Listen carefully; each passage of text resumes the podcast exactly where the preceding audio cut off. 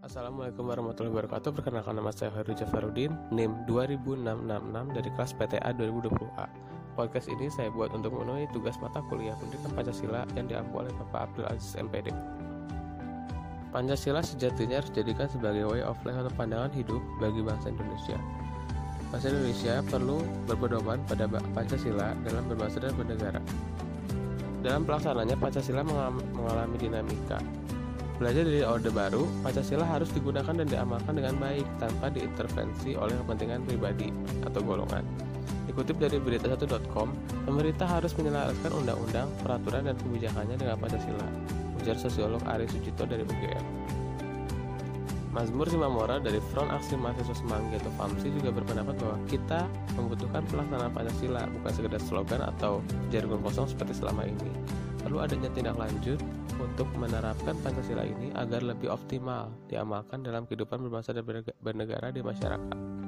Hal itu karena sering dijumpai bahwa masyarakat sudah merupakan nilai-nilai Pancasila yang sudah dibuat oleh para pendiri bangsa pada zamannya, yang mana itu juga bersumber dari nilai-nilai luhur di masyarakat Indonesia itu sendiri.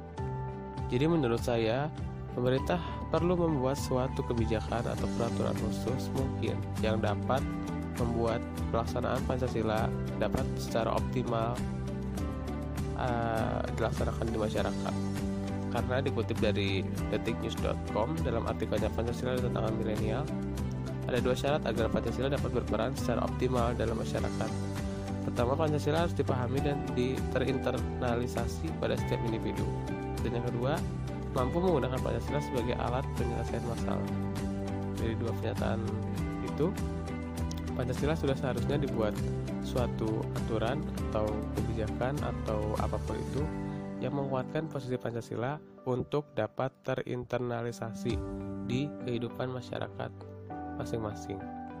Dengan begitu, tujuan Pancasila sebagai way of life tadi akan dapat dicapai dengan mudah apabila Pancasila digalakkan secara masif dan diamalkan secara terus-menerus dalam kehidupan berbangsa dan bernegara di masyarakat. Selanjutnya, pelaksanaan Pancasila sebagai ideologi negara pun menerima berbagai tantangan, baik itu yang bersumber dari dalam maupun dari luar bangsa Indonesia. Menurut saya ada beberapa tantangan saat ini yang mungkin dapat mengkhawatirkan pelaksanaan Pancasila sebagai ideologi negara. Yang pertama adalah perkembangan zaman atau globalisasi, di mana arus globalisasi ini sangat kuat sehingga mungkin pengaruh-pengaruh hal-hal negatif akan dapat dengan mudah diterima atau sampai kepada masyarakat Indonesia yang mana mungkin itu dapat bertentangan dengan nilai-nilai yang ada di Pancasila. Yang kedua ada pengaruh budaya dan paham radikal asing.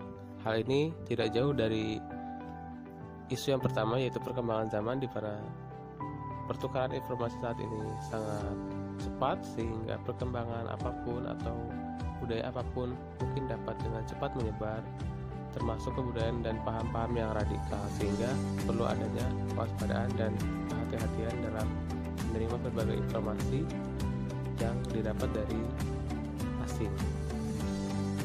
Lalu ada kebebasan berekspresi yang tak terkendali. Kebebasan berekspresi yang tak terkendali ini dapat menimbulkan eh, tindakan-tindakan uh, yang di luar batas sehingga mungkin ini dapat bertentangan dengan nilai-nilai moral Pancasila sehingga perlu adanya kajian lebih lanjut mengenai berekspresi yang bebas ini.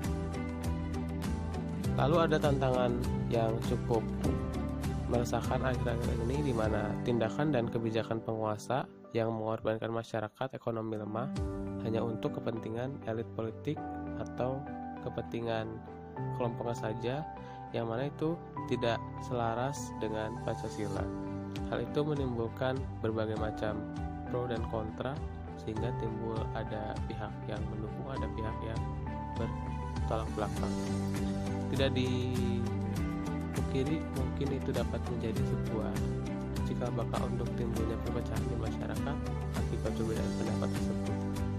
Sehingga mungkin banyak masyarakat yang menurun tingkat kepercayaannya kepada pemerintahan saat ini. Mungkin cukup sekian pemaparan dan pendapat dari saya. Kurang lebihnya mohon maaf. Wassalamualaikum warahmatullahi wabarakatuh.